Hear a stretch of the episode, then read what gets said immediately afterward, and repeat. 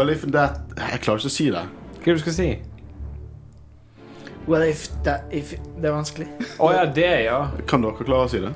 Well, Åh. if it, if it isn't If, if that ain't the quackta calling the stifling slimy. Det er så Det, det, det, det, det er perfekt. Det er perfekt. Ja. Hei og hjertelig velkommen til Jedi-rådet, en Star Wars-podkast fra studentradioen i Bergen. Mitt navn er Håkon Øren, og jeg sitter sammen med Havarus. Og Kristian Høgen Aspen. Hva syns du om den introen? Litt folkelig? Ja, ja, ja, veldig fin. Veldig Ja. naturlig. Ja, ja, ja. Sant? Vi, vi, vi er ikke like smooth. Sant? Det er liksom det som er sjarmen til Jedi-rådet, en Star Wars-podkast. At vi er, vi er litt sånn Vi er som Millennial Falcon.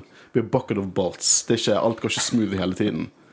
Uansett, vi skal nettopp i dag snakke om sesongfinalen av Book of Bobafett. Vi skal snakke om The Book of Bobafett chapter 7, In the Name of Honor.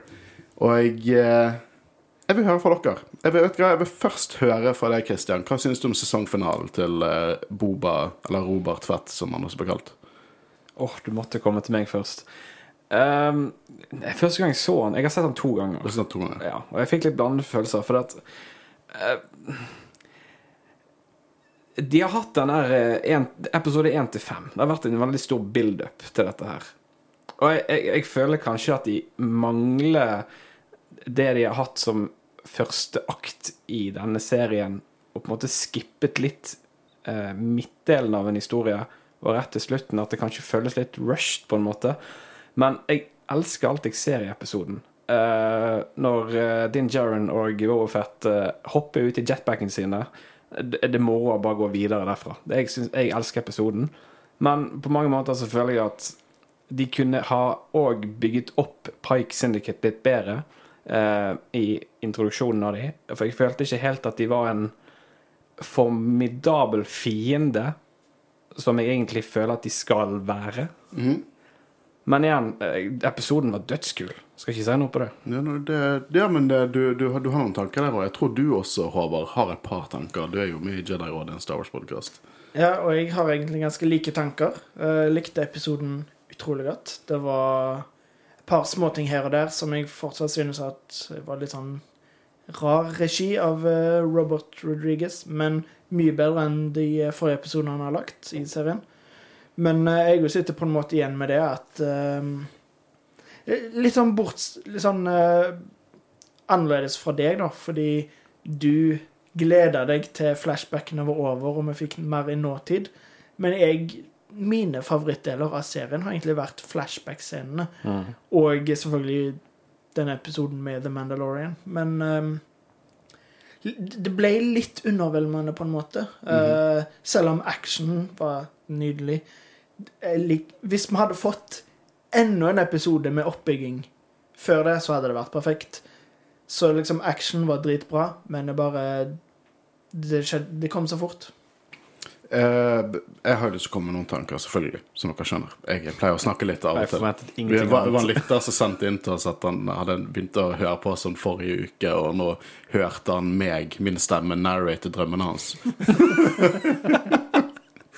Men Hva for noe? Ja, jeg følte det som en stor ære, for å være helt ærlig. Ja. Uh, men eh, min, mine følelser rundt dette her Vet du hva, jeg skal ikke si uh, noe annet på det. Jeg kommer til å anerkjenne at uh, ja, denne episoden har vært Denne serien generelt har vært litt kontroversiell. Denne episoden har vært eh, veldig kontroversiell. Og eh, ofte så har jeg et sånt behov for å sånn øh, Forklare det. Liksom overtale. Liksom, øh, liksom unnskylde. Men jeg er så selvsikker på mitt syn om at jeg fuckings forgudet denne episoden. At det til Det, der, det er min vinkling denne episoden. Jeg kommer til å formidle mine følelser om det. Ikke, hvis du ikke likte denne episoden, kjempefair. Jeg, Håkon Øren, elsket denne episoden. Jeg eh, hadde gledestårer. Det var øyeblikk i denne episoden som jeg eh, nesten fikk et illebefinnende av. Eh, jeg synes det er en fantastisk time lang live action Star Wars.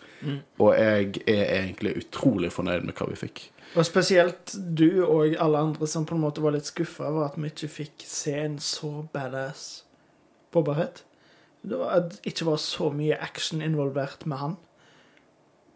Da fikk dere det i denne episoden. Ja. Det var- det var mye kult. Det var mye kult, og det var egentlig det jeg trengte. Jeg trengte en lang episode. Ja, fikk du det det servert på sølvfat. Altså, han skinner, som vi nevnte i forrige episode, ekstremt i denne episoden. Ja, og det var helt, det vi snakket om build-upen til actionsekvensene. mm, det er helt fantastisk. Og jeg syns episoden er dødsgull, men når jeg ser på serien i en helhet, så f f det er der jeg på en måte sitter. Ja, jeg er litt spent, for det neste uke så skal jo vi diskutere serien i sin helhet. Og, og jeg tenker jo det er logisk å forvente fra oss at vi kommer til å se serien på nytt igjen innen den uken eh, her og gått. Søndagsbanen. Ja, ja, sant. Så det blir interessant å vite hvordan denne serien henger igjen når vi ser de back to back. For det kan være interessant. For det, vi snakket jo litt tidlig om at noen av de episodene, f.eks. de tre første episodene, kanskje burde egentlig bare blitt sluppet sammen. De var mer bingeable enn ukesbasert. Så det kan være interessant. Men uansett, vi skal snakke om denne episoden. eh, Og vi, vi trenger ikke gå dypere inn på spoilers ennå. Eh, Men Håvard, hvis det er én ting som hyper deg mer enn Star Wars, så er det sosiale medier. Vet du hva, Nå så Christian så lei seg ut for at han ikke fikk si det, så vær så god, Christian. Jo, takk. Nei, det er bare fire, det er fire ganger siden sist du spurte meg. Det er fire beklager. Men det går helt fint. Ehm, jeg er veldig glad i Twitter, jeg er veldig glad i Facebook, og jeg er veldig glad i Instagram. Og jeg er veldig glad i alle som følger oss der, og alle nye følgere som følger oss der. Ja, eh, hvis du har eh, mine, min stemme i, i drømmene, eller Christian eller Håvard sin eh, strem, stemme i drømmene fordi du har sovnet til Jedi-rådet Det er mange som sovner til podkaster, så du kan sette på at den avsluttes om 30 minutter, så går du bare litt tilbake igjen når du, dagen etter hvis det er noe du har sovnet til. Det er kjempedeilig å sovne til podkast. Eh, så send inn morsomme historier, konstruktiv kritikk, eller kritikk, eller, eller eh, Holdt på å si pryl. Prisgiving, eh, eller bare spørsmål, eller bare snakk med oss. Vi elsker det. Eh, nå sjekket vi vår eh, Spotify-rating. Vi er oppe i 87. 13 unna 2022-drømmen din, Christian. Jeg skal si det. eh, Hvis vi er eh, på 100 innen utgangen av februar, skal jeg spandere en øl på dere. Ok, men nå er jo vi faktisk investert. Please, gi oss en, eh, en fem av fem-rating på Spotify, sånn at jeg og Håvard kan få litt øl. Uansett, vi skal spoile det shit ut av Book of Boba Fett, chapter 7, In the Name of Honor.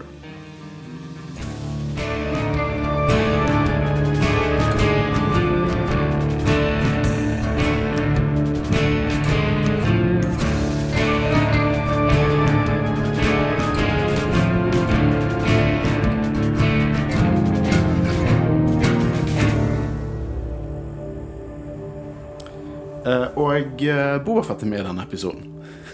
Hvem skulle trodd det? Og jeg, deilig å høre stemmen hans. det er det. Han, mm. han, han dukker ikke bare opp og, og nikker og smiler sånn som sist gang. Det er mye nikking i denne episoden. Det er mye nikking, eh, men eh, det er litt snakking mens han nikker. Eh, jeg eh, kan godt hende at jeg bare grabber etter strå. Og vet du hva, jeg er, jeg er kjempeinhabil. Det er en Boba Fett Lego-hjelm på, på pulten her foran. Det er en Boba Fett-hjelm bak meg. Det er en annen Boba Fett-hjelm i stuen. Uh, det er, jeg har i hvert fall eh, to Boba Fett-figurer her inne, og det er dobbelt av det inne i stuen min. Uh, jeg er litt fan av Boba Fett. Jeg vet ikke om dere har merket det. Jeg Boba Fett-tatovering. Er Boba Fett og Mandalorians. Det er min jam, liksom. Og jeg har savnet Boba Fett. Jeg elsket de to forrige episodene. Jeg gjorde det. Eh, Mando som dukket opp i episode fem, og, og Luke og Asoka i episode seks. Amazing Star Wars. Men jeg har savnet Boba Fett. Og det er nesten sånn jeg- liker å påstå at det hjalp litt. Jeg hypet meg sånn opp og ikke sett ham på to uker. Når han først dukket opp i denne episoden, så var det sånn Og den varte en time. Det var, bare, det var, det var en deilig følelse. Det, var, det, det føltes som at bare for meg personlig så hadde det hjulpet å ikke sett den på en stund, for jeg var enda mer hypet da. Ja, for du får på en måte alt du har ventet på. Ja, jeg har det. Jeg, Jeg, jeg krybler litt bare av å snakke om denne episoden. Jeg syns den var så fantastisk. Men de er i, de er i ruinene til The Sanctuary. Og en lytter sendte inn til oss, jeg tror det var The Untouchables, det med, det med Robert De Niro og Ja. Der er jo det en scene der eh, skurken, da, det er Robert De Niro som spiller han, går inn i en, en eh, kafé, og så legger han fra seg en bag, og så går han ut igjen, og så tar en liten jente opp den bagen og bare sånn Hey, mister, you forgot your bag. Det er shot for shot remade i forrige episode når de sprenger opp uh, The Sanctuary. Ja, det er. Ja, men du får mye sånn altså, fra gangsterfilmer og fra westernfilmer, spesielt i denne episoden Vibes. Altså, jeg har aldri sett eh, Star Wars som har mer i denne episoden mer eh, referanser til Gudfaren, f.eks. Mm. Det er tre quotes i denne episoden det direkte tatt ut fra Ah, eh, manuset til Gudfaren 1, 2 og Ja, men sånn elsker jeg. Jeg elsker det. Eh, men Mando er tilbake med Boba og Fennec, eh, og jeg, eh, folkene fra Freetown de skal samarbeide med de eh, for free. Synes jeg var gøy. Og jeg, her snakker de litt om dette her. For at Boba Fett han er ikke sånn Jeg tror han må, han, må, han må begynne å redefinere seg litt. For Han sier at han skal være en crime lord, men han har ikke lyst til å gjøre crime. For at, uh, Han liker ikke space traiten, for det var det som er et av kravene til innbyggerne av Freetown, er jo det at ingen, ingen spice trade på Tatooine. Det virker som egentlig det eneste han vil gjøre, er å bare holde byen ryddig. ja. Eh, og vi, jeg har lyst til at vi skal snakke litt om motivasjonen hans på slutten av, av denne episoden, men Men bare for å ta et eksempel i forhold til det med Gudfaren, bare så jeg får det ut av Ja, okay. eh, er når uh, Fenning Chan sier 'There's a lot of money in that uh, orange powder'. Å ja! There's a lot of money in that white powder. Ja, for det at eh, Don Corleone i Gudfaren har ikke lyst til å håndtere med drugs. For som sagt så er jo det det Jabba tjente mesteparten av pengene sine på Tatooine på, var jo Spice Trade, men Boba går med på det. Han, eh, han, han trenger ikke Spice. Han, han mener at i the long run så kan de tjene mer på å holde planeten ryddig. Siden uh, Pike-syndikatet er på en måte den store i Spice Trade i Star Wars-universet. Hadde Boba samarbeid med de før, eller drev han sin egen greie? Hattene, liksom. Um, jeg har Jeg har lest all Boba Fett-canon. Les og sett all. Og det er ikke så jævlig mye. Det er ikke sånn at det er imponerende. Men jeg tror ikke han har jobbet direkte med Pikes. Jeg vil ikke utelukket at han har gjort det, men han hadde et nært forhold til Jabba. Uh, men ikke til Pikes, så vidt jeg vet. Jeg kommer ikke på det. Uh, men det, det, er jo, det er jo noe som skjedde med han nå. Han har jo liksom fått veldig mye andre fokus etter det som skjedde med han i, etter Sarlaken. Sarlaken for Boba er jo Grogu for Mando. Det, det er jo det. Det er litt mindre koselig, men eh, det er jo det. Det er noe som bytter fokuset på karakteren. Noe som på en måte virkelig får karakteren til å endre fokus, ja, som jeg har sagt. Eh, så jeg vet ikke om Boba Fett var imot Spice. Han sier jo i Mando sesong to at 'this isn't a spice dream', så kanskje han uh, har tatt litt spice tidligere. Jeg vet ikke hans forhold til det, for å være helt ærlig. Men uh, The Mods er jo tilbake. Kontroversielle gjengen uh, er jo tilbake, og de snakker litt om hvordan de skal forsvare Mos Espa. da. Og Boba vil tilbake inn til palasset.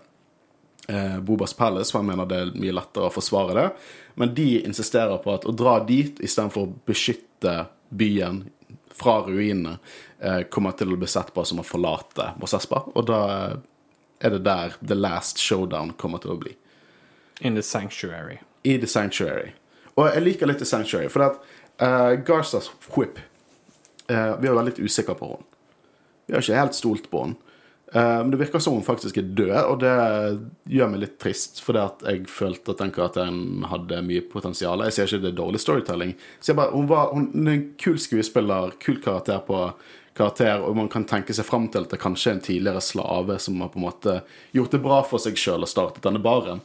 Og jeg føler liksom den derre The Sanctuary er jo egentlig veldig lite typisk Tatooine. Og det var litt av grunnen til at jeg tenker å, dette er noe kriminelt.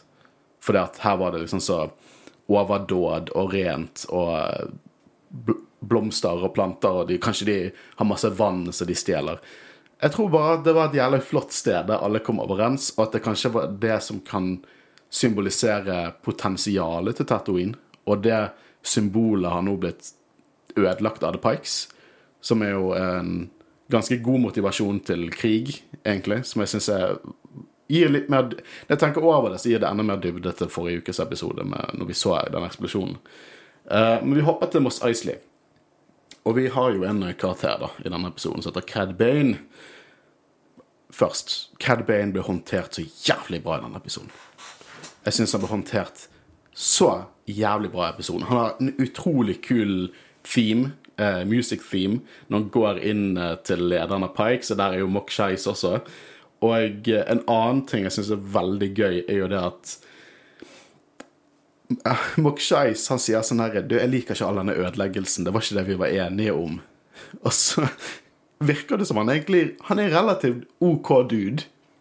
Han er bare Han- han- caught up med feil folk og vil tjene penger og sånn, så Og prøver å beskytte byen sin. Og så ble han drept på så jævlig R-rated måte på slutten av episoden, som jeg synes var litt trist andre gangen så episoden. For han virker så softspoken og egentlig litt opp... Han liker ikke at folk dør. Han liker ikke at uh, The Sanctuary blir sprengt.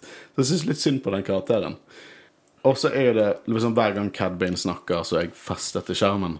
De har gjort det utrolig bra i live action. Måten han går på og Det er vanskelig å se. Det, det ser ikke ut som CGI i munnen, på en måte. Det ser ut som Jeg tror munnen er maske. praktisk, og så øynene kanskje CGI. mm, Det Det er ser i hvert fall utrolig bra ut. Jeg syns iallfall de har nailet uh, Cad Bane, og jeg synes han han er en badass, kul karakter. Eh, han var vel en av mine favorittkarakterer fra Clone Wars. Jeg vet ikke med dere. Uh, han har blitt det.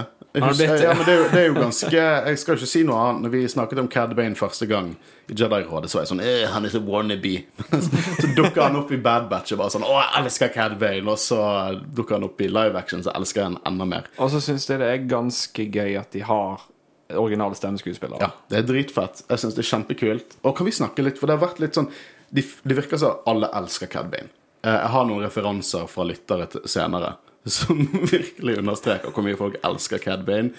Men jeg har lyst til å snakke litt om den quote on quote kontroversen at han ikke ser lik ut fra The Clone Wars. Har folk sett The Clone Wars? Har dere sett hvordan eh, liksom Saruman slash Count Dooku ser ut i The Clone Wars? Det er ikke sånn det ser ut i live action.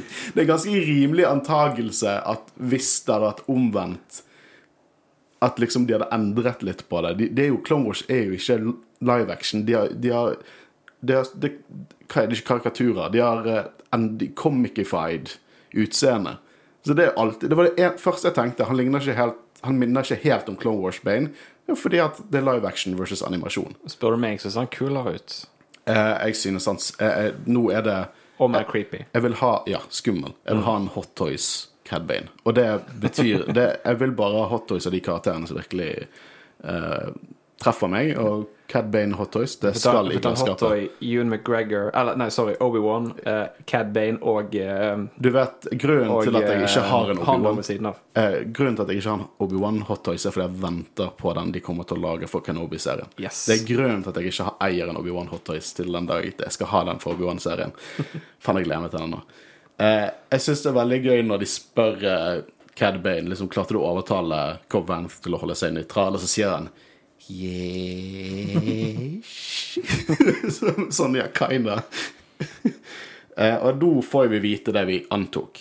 At Pike sto bak døden til Boa sine Tuskens. Det var ikke Cad Bane. Vi gjettet jo at kanskje Cad Bane sto bak det, men det var Pike som sto bak det. Jeg tror faktisk jeg hadde likt det bedre hvis det var Cad Bane som sto bak det. Ja, jeg Mye tror på det at jeg jeg tror det ville vært mer uh, følelsesmessig reaksjon fra Bobafett. Mm. Jeg, jeg, jeg ville iallfall sagt at Cad Bane hadde vært større impact Ja, enn og- sånn som de gjorde da. Det var, noen av lytterne var kommet inn med litt sånn interessant, konstruktiv kritikk til, eh, til Book of Boba Fett som, om Cad Bane, som jeg har lyst til å ta da, men uh, noen ganske interessante tanker som går litt inn på det du sier der. Eh, men jeg er helt enig. Uh, jeg føler det hadde vært hakket kulere. Det fungerer, dette fungerer. Ja, det fungerer, men jeg mener det hadde vært mye kulere hvis Ja. Cad Bane hadde stått bak dette. Nei, men jeg er enig. Eh, og nå skal jo de dra ut fett fra The Sanctuary, og uh, Cad Bane hopper i tenkeboksen, for han har en plan. Så vi får se nå en X-Wing, og da tenkte jeg med en gang nei, come on. Liksom, jeg liker Luke, men Jesus.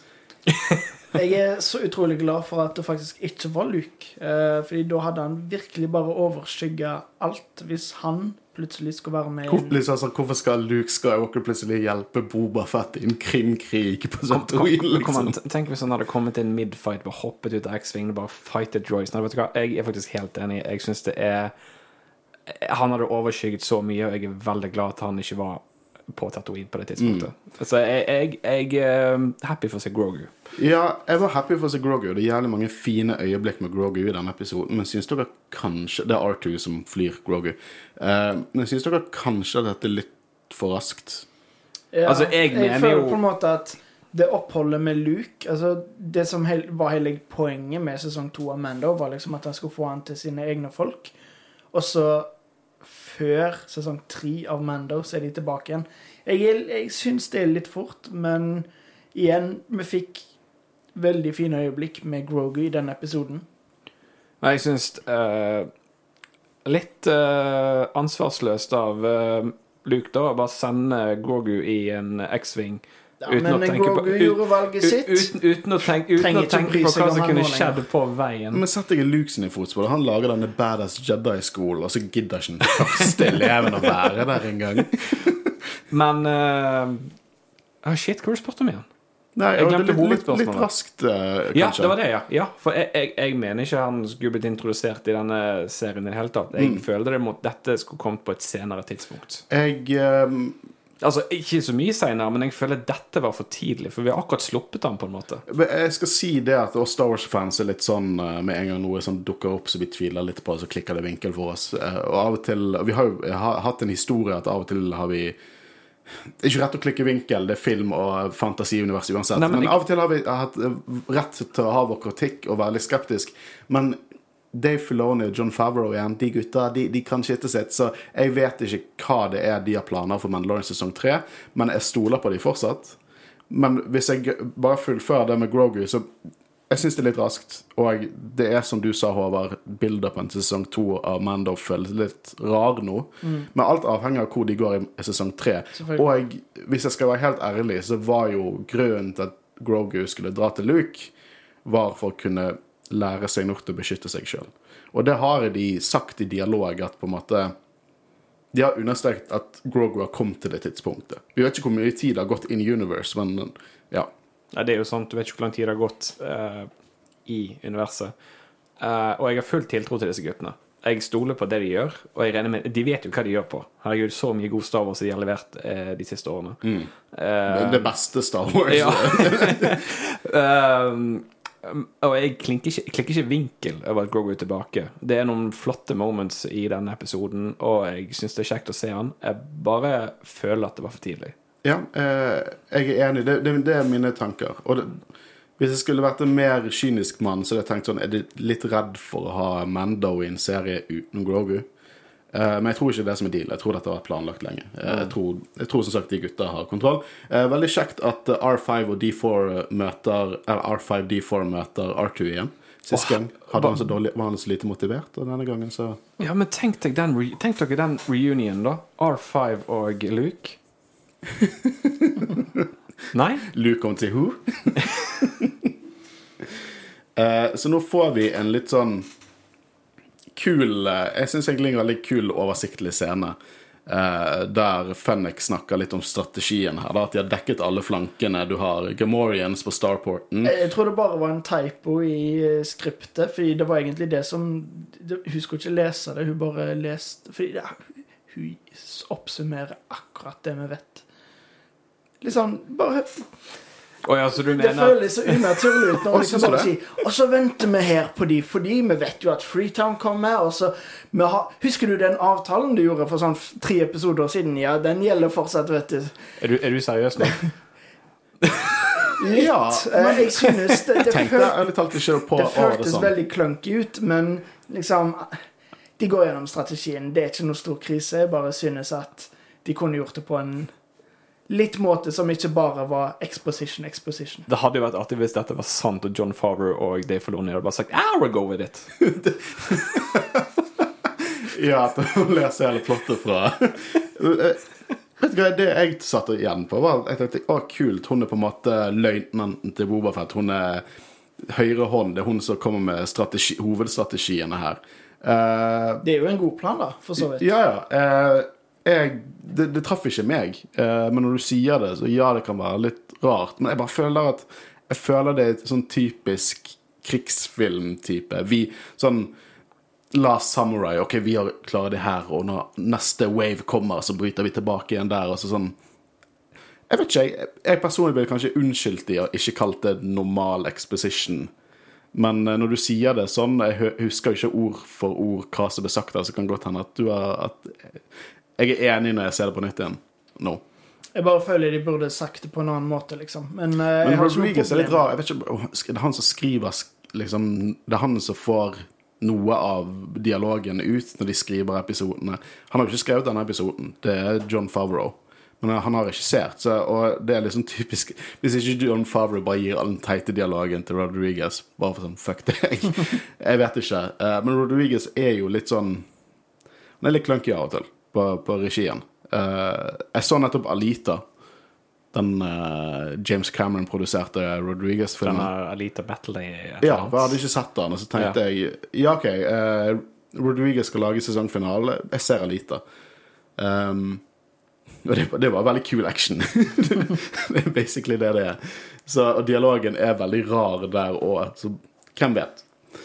Eh, men kort oppsummert, som hun sier så fint, er at Gamorians Starport, Clatonian Territory, Santo, er Trandoshan-området for en rådshuset, som er et veldig greit sted for han å være. Han liker jo ikke de, så hvis de angriper, så tror jeg han har full kontroll. Drash og Scad og Mods. Nå fikk vi vite Drash og Scad, at det er navnet deres. De er Aquilish Quarter, og eh, det, oppsummert så er de ganske selvsikre at flankene er dekket. Eh, Jeg bare slo meg i hodet at det hadde faktisk vært kult om Tarantino hadde tatt en episode her. ah, ja, men han hadde aldri han, Jeg tror han er helt imot sånn franchise-greier. Han Han- hadde jo, skulle jo egentlig lage en Star Trek-film. Ja, så- det er sant. Vet du hva, jeg, Det jeg har mest lyst på Tarantino, Jeg har lyst til at han skal lage en sånn 1966 Batman R-rated-film. Det er ingen som er enig med meg, men hvor kult hadde ikke det vært? Det. Jeg syns det var dritfett. Uh, men rett etter de sier at flanken er dekket, så kommer Cad Bane gjennom flankene. Så sekundet etter. De til og med poengterer det ut. Sånn, jeg trodde ikke noen kunne komme seg forbi. Jeg. Og møtet mellom Bobafett og Cad Bane i live action, det er noe jeg alltid har hatt lyst til å se.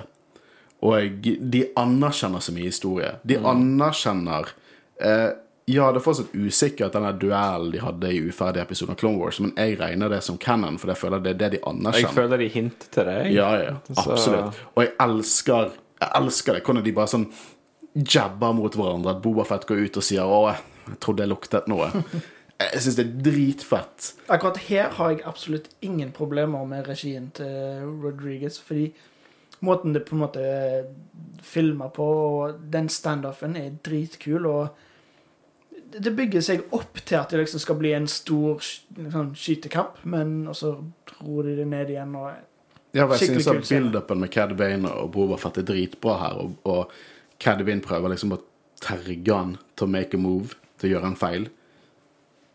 Og eh, fornærm, Bobafett prøver å fornærme ham og si sånn 'Det er ikke flere jobber'. For liksom 'Å, du er bare en dusørjeger'. Og eh, de begynner jo å og Hva er det Bobafett sier? At han vil ikke forhandle med liksom sånn gutless murderers. Og så sier jo Cad If that's not the quackta calling the stifling slimy Nå leste jeg direkte av notatene mine, og derfor gikk så smooth. Eh, og det er en utrolig liten snedig måte å egentlig understreke at de har en historie. For med en gang, Det er jo noe noe Bobafett sa i Mandalorian sesong to. Med en gang jeg hørte Cad Bane si det, så er det sånn OK, det er sikkert noe Bobafett plukket opp når han var på en måte ble lært opp av Cad Bane. Jeg syns det er en fin måte å på en måte hinte til historien mellom de to. Jeg syns det var drit, dritfett. Og Cad Bane sier jo egentlig det at tror ikke, Du bør ikke forvente de fra Freetown, og, eh, og at eh, det er noe som skjedde med Tuskens, og det var Pikes som, eh, som drepte de, og det er da Bobafett blir litt sånn følelsesladet involvert, og Fennik må rett og slett snakke han ned. Og det synes jeg var utrolig stilig. Uh, og uh, Bobafett står der og på en måte grabber blasteren sin og sier 'I can take him'. Og Fennek som kommer inn Jeg liker veldig godt rollen til Fennek som sier 'OK, du er emotional'. Uh, du skal velge stedet. Ikke make a move nå. Og så snakker han med Boba, og Boba sier til slutt at uh, forhandlingene er over. Kjempekul sekvens. Elsker forholdet mellom Fennek og Boba. All dialogen her syns jeg er dritfett. Skikkelig skikkelig western-vibes. Eh, og jeg tolker det at dere likte det godt også. ja. Ja, absolutt. Og jeg syns det er en god build-up til den senere scenen vi får mellom de to. Og jeg, jeg syns resten av episoden har utrolig god dialog mellom egentlig alle karakterene, som ja, i hvert fall har my mye å si. Ja, det var mer denne Fennec-greien Ja, i ja, jeg starten. synes Jeg føler på en måte også at det var begynnelsen av den sekvensen, så de måtte gjøre det, men resten av episoden er bare har ingenting imot dialogen eller regien, Jeg føler at Robert Rodriguez er litt sånn Han er litt sånn som Zack Snyder til tider, føler jeg. At Av og til så virker det litt som han rusher seg gjennom scener han ikke er like interessert i, for å komme til det som han er kjempeinteressert i. Kan det høres ut som en uh... Det høres veldig fornuftig ut. Eh, jeg liker også at de kommenterer litt sånn Det er sånn typisk sånn westernsgreier. Sånn, oh, you're getting soft on your old age. Eh, elsker det. Elsker alle western-tropene i denne episoden. og Det kommer flere av de. Cad Bane er jo hva, 70 år på det tidspunktet? 71 år 71 er det noen som har kommet fram til. Eh, jeg vet ikke hvilket verk der det står spesifikt når han er født, men folk har kommet fram til 71 år. Så han er, han er en eldre mann. Hva rase er han egentlig? Duros. Duros. Vet vi noe om uh, aldersspannet deres? Uh, ja, faktisk. Jeg har gjort litt research der, og det er at lifespan er faktisk til 70 år, så han nikker på siste del, altså. Det er så sykt canon de overskriver med glede. det er det. Eh, jeg har fått en sånn ny Jeg setter litt verdi på Major Domoen. Han er comedic gold. Jeg syns det. Jeg, eh, jeg likte ikke han helt i begynnelsen av serien, men alt som kommer ut av kjeften på den Twi'leken, er bare comedic Jeg gold. føler det er han har, Det er liksom i denne episoden òg. De, de putter disse comic reliefene på perfekte punkter. Eh, Det er så gøy. Og um, han òg har jo et gudfaren-sitat. Han har det, ja. ja, ja. Men uh, det kan vi ta litt Du skal ta det senere. Ja. Skal du enlighten oss? Han kommer inn, han skal gi råd, og så sier Boba Fett jeg lurer på hvor mye, de betaler for Twi'leken. Sånn, jeg skulle ikke sagt noe. Jeg digger jo det at han name-dropper uh, Corsant. ja. Så, eh, å, hele den sekvensen elsker jeg. Og det er jo build-up til en enda kulere sekvens. Men før vi gjør det, så tar alle disse Trandotiansene og Aquilish og Clatoniansene og forræder de. Hvem skulle tro det? Ja, det er sjokkerende. ja, ja. Kan fortsatt ikke tro det. Jeg tror jeg kunne Det kunne jeg Ja, nei. Uh, og uh, rest in peace, Gamorians. Jeg leste at det var noen som syntes det var en uh, litt sånn underwhelming Altså, døden deres ikke betydde noe, men synes det var en dritkul Nei, altså, serie. for- for Toget liksom bare forlot, og du så så de bak der, og måtte de bare falt. Det dritkult. Det mest kuleste med fallet deres er jo at de har brukt uh, Wilhelm-skriket. Men, men, i, men i griseform. Det- Som Ja, var, det, som nice var ganske touch. stilig. Men jo, jeg, jeg syns jo at vi, vi har jo sett de kjempe tidligere. De kan slåss. Mm. Men de blir på en måte uh, piket mot kanten. Hæ? Hæ? Veldig bra. jeg liker også at vi får litt mer Chrysanthemum-action. Og hvordan bare fullt av, eh, av uh, Trandoshans kaster seg over han, og han på en måte Jeg trodde han var død der, jeg. Det trodde Boba også eh, innrømmer han senere. Og jeg liker når de gjør disse småtingene med det som gir mening. Og det gir mening at eh, Jeg glemte navnet. Black Chrysanthemum, nei, de andre. Trandoshans, Trandoshans. De, Star Wars. Ja, ja. At det er Trandoshans som går på uh, Santo. Mm. Men jeg, jeg ser for meg at han ba spesifikt om å stå der. Så offscreen, så driver han og sånn liksom Give me an excuse til de. Jeg syns det er helt fantastisk. Jeg håper vi får se mer av Black enn i andre verk. Nei, jeg tviler ikke det. Eh, og jeg, nå beveger jo Pike seg mot Boba, Mando og eh, Major Doman som er der inne. Og jeg poengterer litt ut at jeg elsker dynamikken til Mando og Boba. Jeg synes at det er utrolig god dynamikk. Eh, jeg håper og jeg tror at Boba kommer til å fortsette å være en karakter i Mandalorian. eh, og hjelpe Boba, nei, Mando, hvem vet. Jeg bare syns det er en jævlig god dynamikk. Og de er tilsynelatende alene, for alt de vet, mot eh, denne hæren av Pikes. Ja, fordi nå har jo uh, Shand eh, bestemt seg for at hun skal dra til Moss Eisley. Ja, for å eh, kutte av hodet til slangen. Mm. Så, så det, er- det er den klassiske last stand-momenten. Og da jeg husker jeg satt der, og de begynner å snakke sånn der eh, This is the way. Det går imot creeden min å forlate deg nå, sier Mendo til Boba. Og den når Boba sier at eh, Og du, du tror fortsatt på det der Benta-fodderen? Ja, good. Som er, å, kul! Å, kult! Skikkelig kult! Og så med en gang de skulle på en måte Når, Mando drar blasteren og sier 'this is the way', og det bare sånn kamera zoomer inn, og jeg bare forventet de skulle hoppe ut og skyte første gang vi skal se liksom Boba i rustningen sin bare kick some fucking ass. Her har det vært en perfekt måte å gjøre sånn omasj til um, Butch Cassidy and, Billy, uh, Butch Cassidy and Billy the Kid fra 60-tallet. Der er det jo i slutten så er det liksom to alene i en bar, og så OK, en siste stein, og så bare går de ut, og så slutter filmen med freeze frame der de liksom skyter og sånn. Jeg husker den scenen. Det er, det er, det er, det er en god referanse. Det. Det, det er faktisk det som er referansen her. Men så må Major Doman si noe, så de stopper opp, og da var jeg sånn Nei! Å, fuck off! For fordi han var utdannet på Coruscant. Ikke at det gjør han bedre enn noen andre, men han, Han- Han Det- det- mener egentlig det. Han Det er som å gå på bedre. Harvard eller noe sånt. Ja. Han kommer fra ydmyke foreldre, hadde ikke masse penger, men han er utdannet som forhandler. Eh, og eh, han insisterer på at eh, Boba skal sende han ut og forhandle litt. Så Boba tar jo den, den, den sjansen. Og eh, Boba han er jo en poet. Jeg likte veldig godt uh, The arid sands of Tatooine will once again flourish with the flowered fields fertilized with the bodies of your dead. Poetisk. Og kjempegøy scene der Og jeg, jeg kålet det, det var det jeg håpet.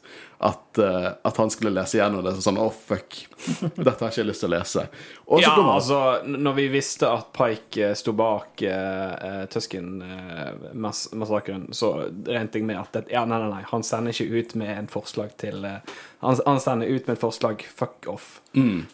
Og, og igjen, jeg elsker også at Mando er så villig, for Mando sier at vi kan komme oss til skipet ditt, og så sier Boba det er ikke et option. Og da dø med ære. Og eh, så kommer noe av det kuleste jeg har sett i mitt liv. Ja. I notatene mine så står det 'herregud'. For det er Mando og Boba som flyger inn med jetpacks og bare kicker fucking ass. Oh my god, Dette er som dratt ut av Battlefront 2. Jeg synes Det er helt fantastisk hvordan de kamera svinger rundt i, og eh, whistling birds fra knær og, og eh, armer. Og jeg syns det er dritfett. Også når det er en eh, pike på sånn tak som faller, og så fortsetter de å skyte på liket. Og det er så jævla western trope. Jeg likte òg veldig godt at eh, han skøyt mot de. Be- Traff liksom begge to, Altså, de snur seg på likt, skyter på likt. Det, Dritfett. Dritfett. hele denne sekvensen er skikkelig kul. Det er så kult. Eh, det er nesten sånn at jeg har lyst til å gå sånn Den skjeen, så snur de foten på den kule måten. Jeg trenger hottoysen av den Boafetten. Jeg trenger den hottoysen. Jeg trenger all the merch. Jeg elsket det. Det er det jeg ville se. Det var dette jeg ville se, Christian. Ja, men det, det, det, dette er en av de kuleste actionsekvensene i denne serien. Ja. Så Helt fantastisk. Helt fantastisk. Vi kunne avsluttet der nå. Freeze frame. Happy Håkon. Og så kommer jo The People of Freetown med Freetown-musikken, som har blitt veldig ikonisk nå, syns jeg. Eh, som er også dritfett. De, eh, liker hvordan sånn, For vi alle tenkte er Cobb Vanth død? Og så sier bare han der Aquil... Nei, Weekway Weequay They gunned him down in cold blood. Altså ingenting mer. Og så fortsetter de å skyte. veldig interessant. Vet, har du også forresten Har vi snakket om den speederen som de kan komme i? Har du noe å si på den? Jeg Har har eh, noe å si på den. Har vi Eh, nevnt den tidligere? Den, eh, vi, har ikke, vi har sett den i andre Star Wars-verk, men, men du skal få lov til å ta den. Ja, ja, for den ligner veldig på en uh, V35 Courier. Uh, som vi har tidligere sett i New Hope og Attack of the Clones. Helt riktig, Christian. Så det er veldig Du kommer aldri med sånne fun facts, eh, Håvard. Hvem bryr seg om Hva var det du kalte det? T- V35. V35. Ingen bryr seg om sånt. Jeg tror en stor andel av lytterne våre faktisk bryr Jeg, seg. jeg syns det er gøy med sånne her små det. easter eggs. Det er veldig de- kult at de tar med Sånn som i Mandalorian sesong 1, når den der eh, obskure troop transport Ja, den kennerleken. tar- Tar masse sånne ting. Det er gøy. Som er helt klart designet for å være en leke. Det er helt klart noen som har tatt bare sånn, Ok, vi må ha noe å plukke tatt, Sette Stormtrooper-actionfigurene våre. Og det er den, De er designet som en leke, og så har de bare tatt inn i Cannon. Kjempegøy. Mm. Jeg hadde aldri gjettet i 2015, da Cobb Vanth og Freetown dukket opp i en interlude i en Aftermath-trilogi, at vi skulle få en scene der de kom og reddet liksom Boba Fett, som hadde en krimkrig over masse Espen. Aldri gjettet det! Å, jeg elsker Cannon. Jeg elsker Cannon. Det, det, det er så respekt. Det er kjempegøy eh, sekvens. Eh, Mods kommer ridende, eh, og det er liksom underliggende historie der de kaller disse folkene som kom inn for eh, hva Sandscurriers, og folkene fra Freetown kaller de for eh, City Rats. Som er en sånn gøy liten Sånn de er motsetninger, men de kommer fra samme planet, så jeg syns det er gøy. Eh, og det er liksom Black Santan kommer Og de lærer seg å jobbe sammen. ja, det er nye stammen til Boafett. sant? Det, det er liksom det, det, de forholdene han har klart å samle sammen, uh, som også på en måte uh, jeg syns er veldig flott. Det er hans nye Tusken Tribe, rett og slett. Og de kommer til unnsetning til Boafett. Og som du sa, det med at det er fra samme planet, så er det jo veldig interessant å se òg. Jeg vet folk klager over at vi bare ser Tatooine, men helt ærlig talt, er, Tatooine er en kul planet. Det er en så ikonisk Star Wars-planet. Og Jeg tror det er den mest ikoniske Star Wars-planeten, for å være helt ærlig, egentlig. hvis vi får mer backstory på en måte videre om hvordan Tenk om hele Tatooine på en måte forener seg og alt med sånt. Det- Jeg Altså, det er jeg, kult. jeg, personlig ikke imot, men jeg vet det er mye kritikk mot uh, at vi alltid havner tilbake på Tatooine hele tiden. Men uh, jeg er jo ikke imot det. Men uh, siden vi var inne på Tuskens, uh, og jeg tenker da på stammen til Bobafett Boba Fett uh, Skal vi regne med at hun er død, da? Siden Ja, jeg tror vi kan si vi at gjøre det? Ja. Vi Dessverre. jo Vi, vi diskuterte sett- jo om hun ja, var i live når vi ikke så. Staven hennes ble brent, i hvert fall. Ja. Så, Så, de tre, da han brente tre stav, hovedsakelig tre staver vi så. Det var barnet sin sånn øvelsesstav, og så var det lederen og krigeren sin. Ja, Men da er hun død. Ja, hun er død. Ja. Fortsatt jævlig kul, da. ja. Død, men ikke glemt.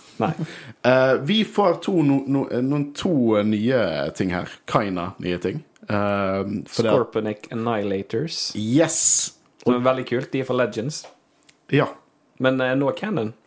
Ja. Men uh, jeg Det leste òg Hæ? Å, var det jeg sorry. skulle- du du skal få lov til å si det. Nei, nei, jeg bare Jeg uh, researchet litt på dem, og jeg fant ut at uh, de er jo på en måte en forbedret versjon av de der uh, Droid Neck, eller hva heter de? Droidene. Droid- Droidecast. Droidecast var det, ja. Samme logikk, i hvert fall. Og, Ja, og de de er ganske kule. Jeg liker disse røde øynene. Uh, føler jeg har sett flere droids har i Star Wars, Ja, ja. men òg minner veldig om uh, uh, HAL to- eh, 9000 fra Space Odyssey. Ja, det gir litt mer sånn fryktinngytende følelse. Og jeg Men- syns de var veldig effektivt brukt som bare Jeg syns de var dødskule. Ja. Ehm, jeg Vent litt, jeg har det på tungen. Du har det på tungen? Jeg har det på tungen. Skal vi hjelpe deg? Ja! Droider. Droider. Dette er så god podcasting. Faen! Ah!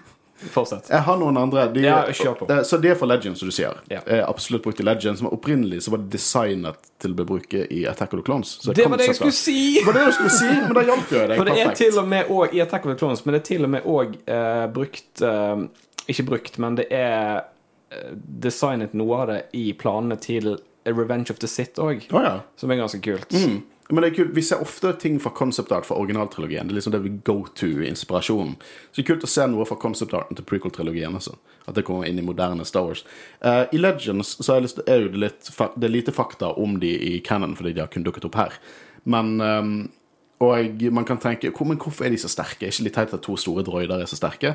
I Legends så var det snakk om at de kunne ta ut et dusin ATT-er. Og ATT er jo de her walkerne til klonene. Um, du kan si precursor til 8080. Uh, så en sånn kan ta ut et dusin av de. Uh, de er betraktelig mindre, men sterke. Og de Man kan egentlig ta konklusjonen at de er like sterke i Cannon som de var i Legends. Og det er kult. Det, at de opprettholder den. For det er typisk at de endrer på sånt. Og, og det gir mer sånn Du forstår hvorfor det, dette er en trussel. At det er en stor trussel for Ja, heltene våre. Eh, det virker jo som om skjoldteknologien har på en måte blitt enda bedre siden de ble brukt i Drøydekass. Jeg vet ikke om det bare er fordi de er større. Drøydekass er jo liksom mindre. Men de skulle hatt Anakin som uh, hjalp de med uh, boccia nå. Sant? De hadde nailet det.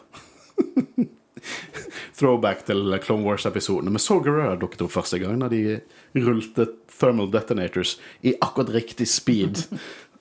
Ok, Det var en av de mer sånn kids-logiske eh, forklaringene i Clone Wars, tror jeg, sånn ever. Men uh, de er fryktinngytende, og det skremmer jo folkene. Jeg liker den ene scenen når Boba prøver å ta ut dem med missiler, så kommer de bare gående ut av røyken igjen. Fryktinngytende, effektiv. Darksaberen fungerer ikke igjen. Og her kommer en av de her, um, dialogene som jeg reagerte på. Det er når Mando som sier en jævlig avansert setning over hvorfor de ikke klarer å ta ut skjoldet. De er sånn Our energy weapons aren't powerful enough, and our kinetic weapons doesn't have enough velocity. Bare sånn Jesus! Det kunne blitt sagt på en enklere måte. Der skal jeg være enig. Der, der var det litt Det er veldig goofy Star Wars, og Star Wars er goofy.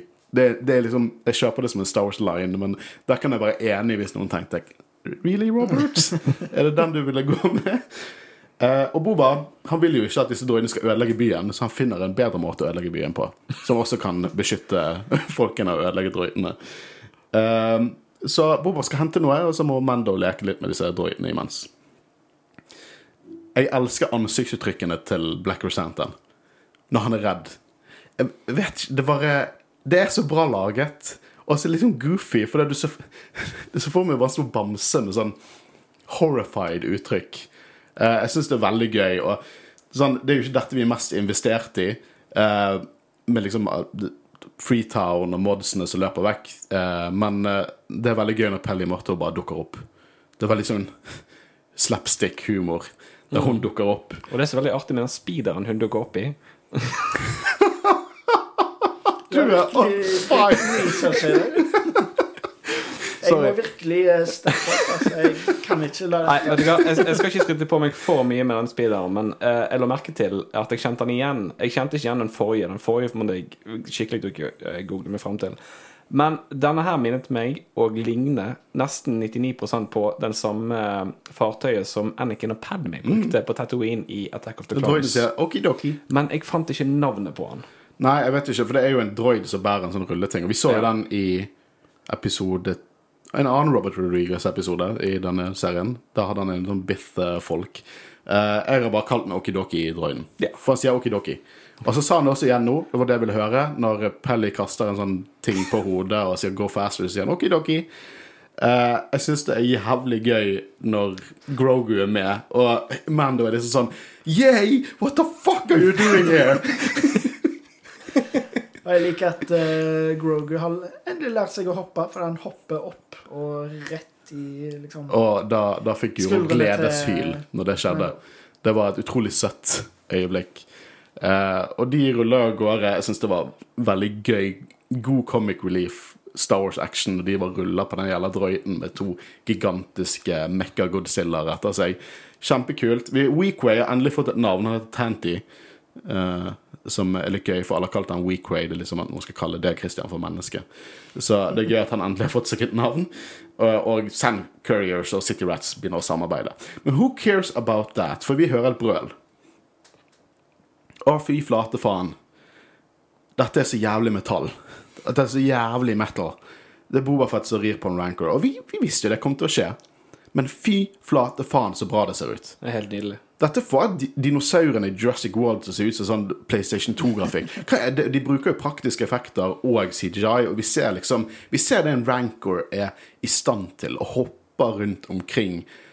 Og det ser så jævlig kult ut. Måten han bare legger hånda over huset og liksom titter opp, og så, og så snur de kameraet sånn at du ser at Boba Fett rir på han. Dritkult. Helt fantastisk. Så jævlig kul action.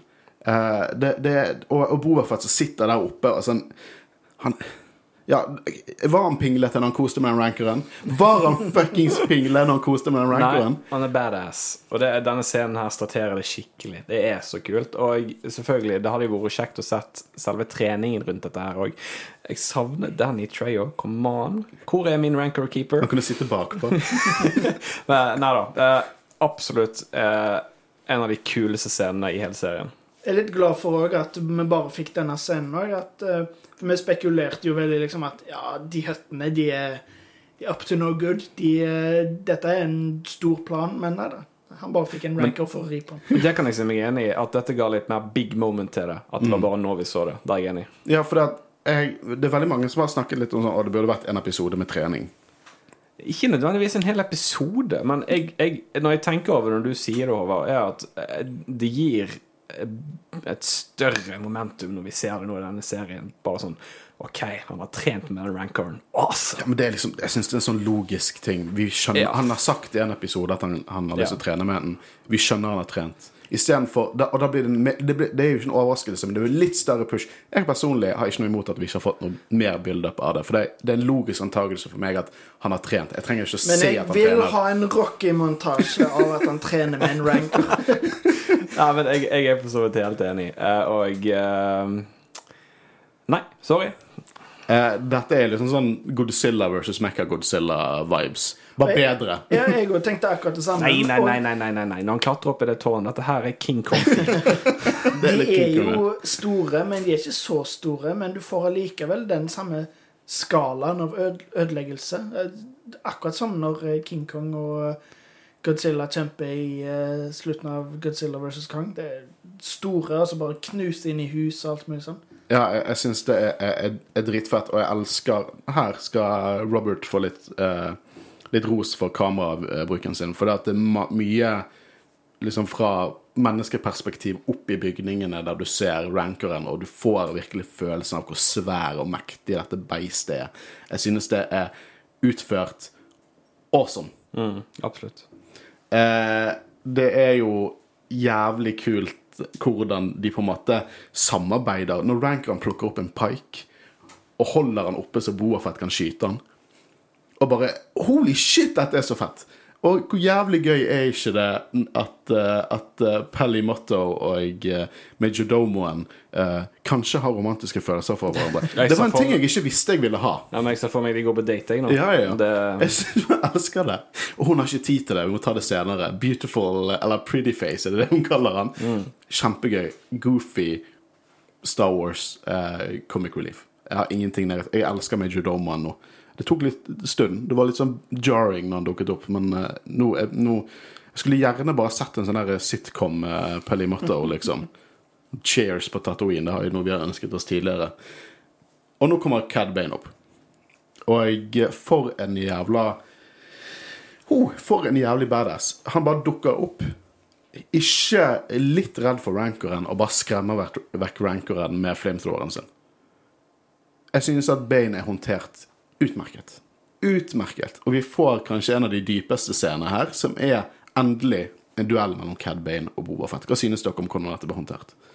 Igjen dritbra lagt med kameravinklene, og det, det er så mye westernpreg i måten den duellen er filmet på, og eh, måten de bare snakker med hverandre og på en måte bygger seg opp til den duellen endelig skal komme, og, og så plutselig så kommer han. Kjempekult uh, utført scene.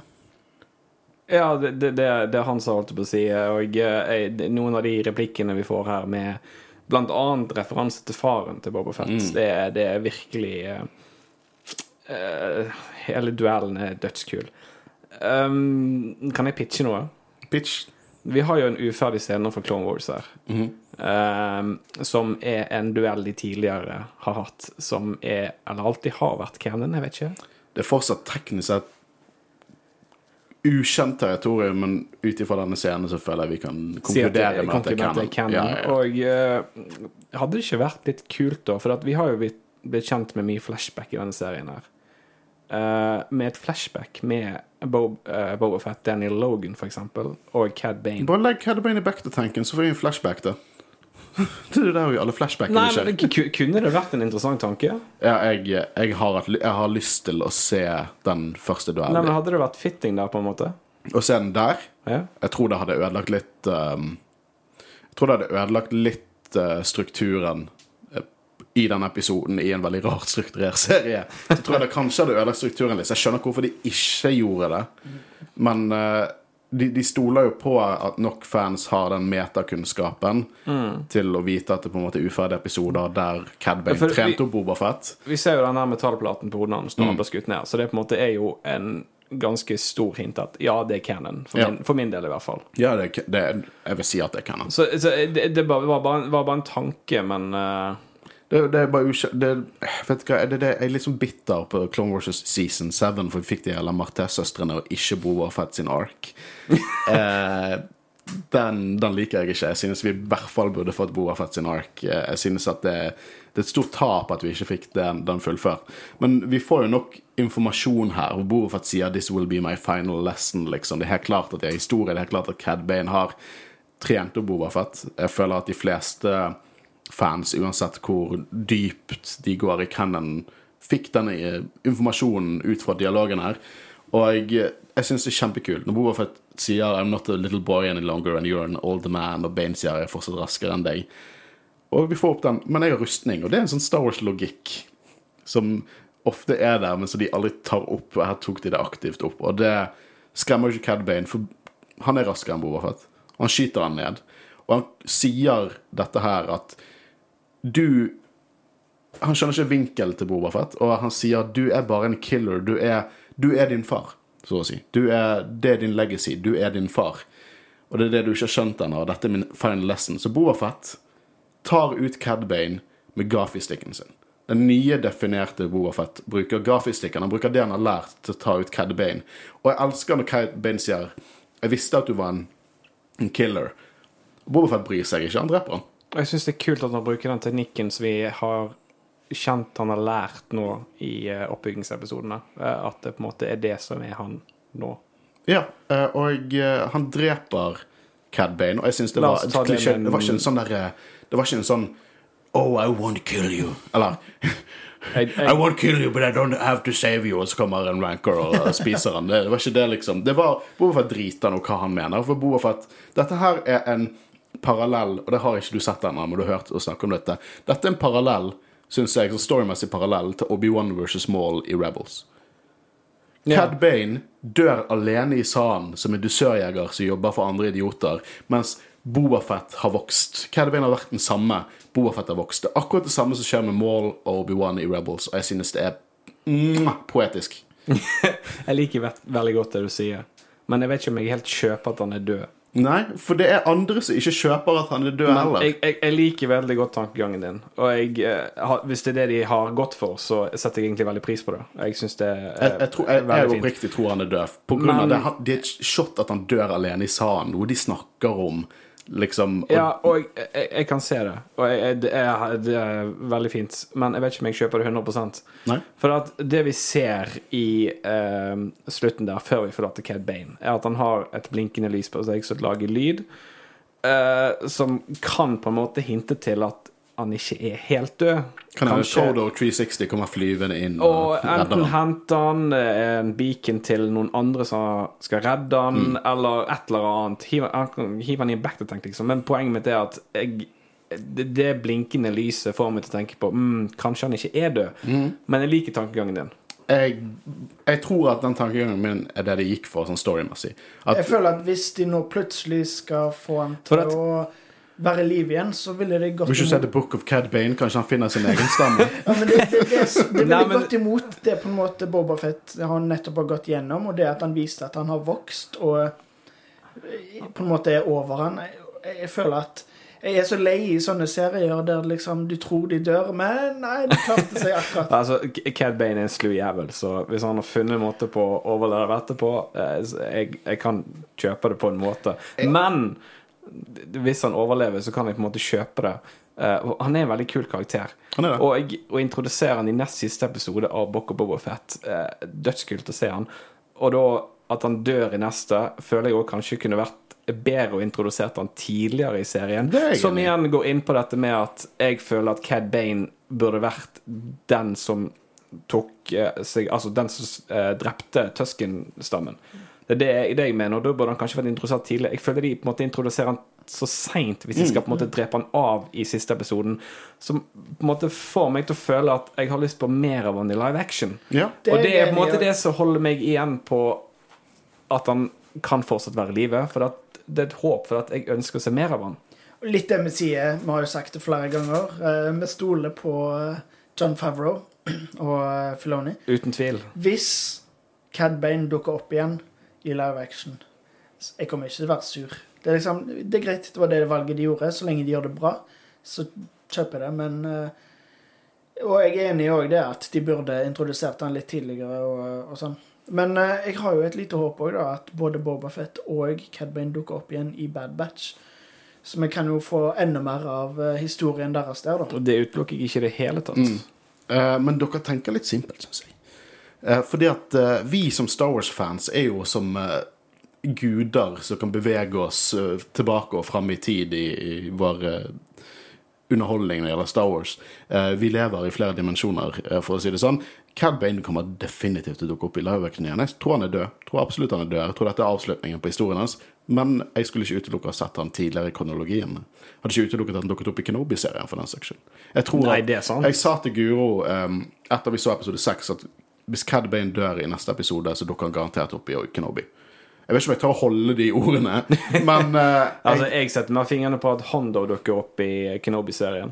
Ja. Men igjen, der har du helt rett. Han kan jo dukke opp i tidsperioder satt før denne serien her. Absolutt. Ja, ja. Men jeg står fortsatt fast på at han burde blitt introdusert er før nest siste episode. Jeg er enig. Det eneste jeg vil si, er at jeg tror han er død. Jeg tror garantert han er død. Jeg syns det er poetisk at han er død nå. Det er ikke like sånn med Ace Windu, han må holde seg død. Jeg kommer ikke bli sint hvis han lever, men jeg tror, jeg tror oppriktig for storyen så er han død nå. Men det blir spennende å se. Vi har så mye fremtidig content. Åh, Men jeg vil snakke litt mer om, om dette her med, med, med Cad Bane død. For det er mange som er sånn No, ikke la han dø. Og jeg, eh, min gode venn eh, DJ Age, Arne, han, han, han stor fan av Cad Bane som dukket opp i, i live action spesielt. Så han brukte i dag eh, lunsjen sin, han brukte tre kvarter på, på å undersøke anatomi og hvor han ble stukket. Og han fant vel ut at han ble stukket i, i leveren sin hvis, hvis han hadde menneskelig anatomi som var stukket i leveren sin. og han fant jeg- jeg- ut at du kan overleve to til tre dager selv om du har skadet leveren din. Så, så han fant ut at på den måten så er det en sjanse for at han lever. jeg, jeg så ikke så i detaljene hvor han ble stabbet henne, men, Men eh, jeg synes at det var interessant eh, tanke, da, så jeg begynte å, å, å undersøke litt duroanatomi. Duros anatomi. Så, Så det, har han lever på samme sted som menneske. det, det vet jeg ikke, men jeg har noen teorier om hvorfor han ikke har det. For det er Duro, Duros, som kommer fra planeten Duro, eh, de har forresten sånn ekkel olje som av og til kan danne seg rundt brystkassen. Og det er en sånn evolusjonær eh, ting som henger igjen fra når de på en måte var mer sånn primitive, og det var forsvarsmekanisme. Eh, de er veldig nært beslektet Nemoidians, altså Newt Gunray, Trade Federation-rasen. Og faktisk så var det Duros som kom til planeten Cadonemodia og grunnla koloniserte der. Og i evolusjonen har Duros på den planeten senere utviklet seg til å bli eh, Nemodians. Så det er en kul liksom, det, skjer, det er ikke sånn typisk Star Wars-law, men det var en gøy ting å oppdage. Så jeg eh, leste litt mer om Nemoidians. For Nemoidians, når de ble født, så blir de født som larver. Så de, sånn larve, de kalles grubs, Larvestadiet i livet sitt. Og eh, så utvikler de seg til individer, da. Men av og til så kan de ikke utvikle seg videre. Da blir de droner. Uh, dette er ting vi ikke, ikke jeg visste heller. Så ut ifra det faktumet at Neboians begynner livet som larver, så kan man og er så nært beslektet Duros, så kan man anta at Duros også begynner livet sitt som larver. Jeg tror anatomien er ja, De kan ha hjertet i fingertuppene for alt vi vet. Jeg tror ikke anatomien til Duros er lik mennesket i det hele tatt, egentlig. Hvis de begynner livet som fuckings larver. Men hvem vet? Men hvem vet? Uh, om han er i live, om han er 100 død, eh, who knows? Men altså, det, det, det er jo det der eh, blinkende lyset, denne beacon som blir Det sendt ut. nevnte AG til Det, det, er akkurat det, det som på en måte hmm, Det er noe her. Men det kan jo òg være en beacon som gir beskjed at han er død, til en større form. Det var også et av argumentene til, til Eh, AG. For eksempel Crimson Dawn, for eksempel. Eh, Nei, nå må du legge Crimson Dawn fra deg. Hvis noen er si det, hvis noen er skuffet over at Crimson Dawn eller Han Solo eller Ben Solo ikke dukket opp i denne episoden, så det er kun dere sjøl dere har å blame. med For det er ingenting i serien som po- poengterer det ut. Og igjen, eh, når det kommer til Harrison Ford, så eh, jeg hadde bare lest rykter. Men eh, jeg, jeg tenkte ikke over Å, hvor er han henne? Eh, Sånn, så jeg er ikke akkurat der, da. Nei. Men eh, at det kan være en beacon som på en måte sendes til en samarbeidspartner, eller gir beskjed om han Todo. er, eller gir beskjed om at han er død. Todo, Seth Green, uh, voice actor Todo. Todo kan dukke opp. Ja, men eh, Nei, vet du hva? Hvem vet? Vi får ikke vite svaret på dette her før vi får ny content uansett. Ja, det er helt riktig. Eh, og jeg vil bare eh, eh, si at eh, imponerende engasjement for mange der ute, spesielt Age som researchet menneskelig anatomi i 45 minutter. Du har sikkert lært deg mye nytt om, eh, om menneskelig anatomi, Age. Eh, og jeg eh, gir en liten shout-out. DJ Age på YouTube Han lager nå utrolig bra remixer av musikk. Eh, jeg vet at han holder på med en, eh, en eh, Imperial March slash Duel of the Fates remix, eh, som eh, sikkert kommer ut eh, en eller annen gang i nærmeste fremtid. Eh, men sjekk han ut. Får vi òg en Jedi Rodde-remix? Kanskje det. uh, men jeg tenker vi hopper videre, for det, serien avslutter jo med, med to scener. Først at Mando så flyr vekk uh... Men nå har du hoppa over noe av det kjekkeste. Ja, det, det har jeg selvfølgelig. Når Grogu Ja. går mot Rancoren. Ja, det har du Ja, glemt. det glemte jeg helt. Oi, oi, oi. Du kan fortsette på denne reisen, eh, Håvard. Ja, fordi det er jo fortsatt en eh, Altså, Rancoren har drept uh, robotene, men når Han fikk aua fra Cad Bane. Han fikk aua av Cad Bane, og det var jo da Boba Fett uh, falt av, og Rancoren gikk vekk. Men Rancoren kom til der de andre er, og nå er det plutselig en jævla stor Rancor on the loose. Elsker hylet til Pelimoto og Major Domoen. Jeg synes det var awesome. Og eh, selvfølgelig Din Djarin skal jo redde dagen, men blir eh, slått ut. Og så går rett før Rancoren skal drepe Din Djarin, så kommer Grogu. Og det er gøy. Det er sånn force power som vi har sett Ezra som kan connecte med dyr. Kjempegøy. Og, og Baby Yoda jeg, Nå kaller han Baby Yoda. Det var en spøk tidligere der Pelimoto sier I ain't calling you that når hun hører at det er Grogu som er navnet. Som er så jævla meta. Det var sånn alle det vi tenkte. Vi tenkte det første gang vi hørte det navnet. Og eh, Men- Grogu da bare snøgler opp til, eh, til rancoren. Det er en liten sånn omjustering av, eh, av seg. Sånn typisk når, du skal sove litt godt, så omjusterer du litt. Det er Er det, for, er det fordi det ble for mye for han da? Eller Ja, fordi at han ville bare ligge ved siden av denne Jeg tror rancoren? den gamle mannen der eh, sover på veldig rare steder. Vi har sett han bare la seg på en stein i midten av et vann tidligere episoden. For er her det fins det å sove. Kanskje, men, kanskje, Hadde ikke dere hatt lyst til å snøgle opp til en sovende rancor?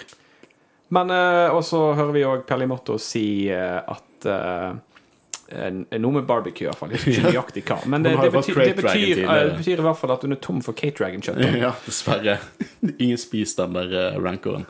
Uh, vi får altså en usedvanlig En usedvanlig mørk sekvens når, når Fennec Shan drar til ledelsen av Pike-syndikatet og bare lager litt pikefilet. Litt fish sticks. Fish. Men jeg, jeg syns det, var- det var ganske stilig, for jeg har ventet på en måte hennes uh, assassin moments. Det var, jeg syns det var kul scene. Ja. Uh, og folk, noen sier liksom det at Nei, det burde vært hun som gikk opp mot, mot Cad Bane, og heller Boafett som gikk og drepte Pikes. Nei. Helt uenig. nei, nei, nei, nei. Helt uenig. Eh, og de henger borgermesteren. Fy faen! Denne serien har noen veldig mørke øyeblikk. Bare drar det store hammerheaden opp i taket, så han henger der og dingler. Jævlig kul scene. eh, og Pikesene har jo som sagt lyst til å forlate planeten. De, de er ikke investert i å miste folkene og forlate planeten. Eh, og så får vi det at eh, lord Fett har, han har fått respekten sin. Folk kaller han lord Boba.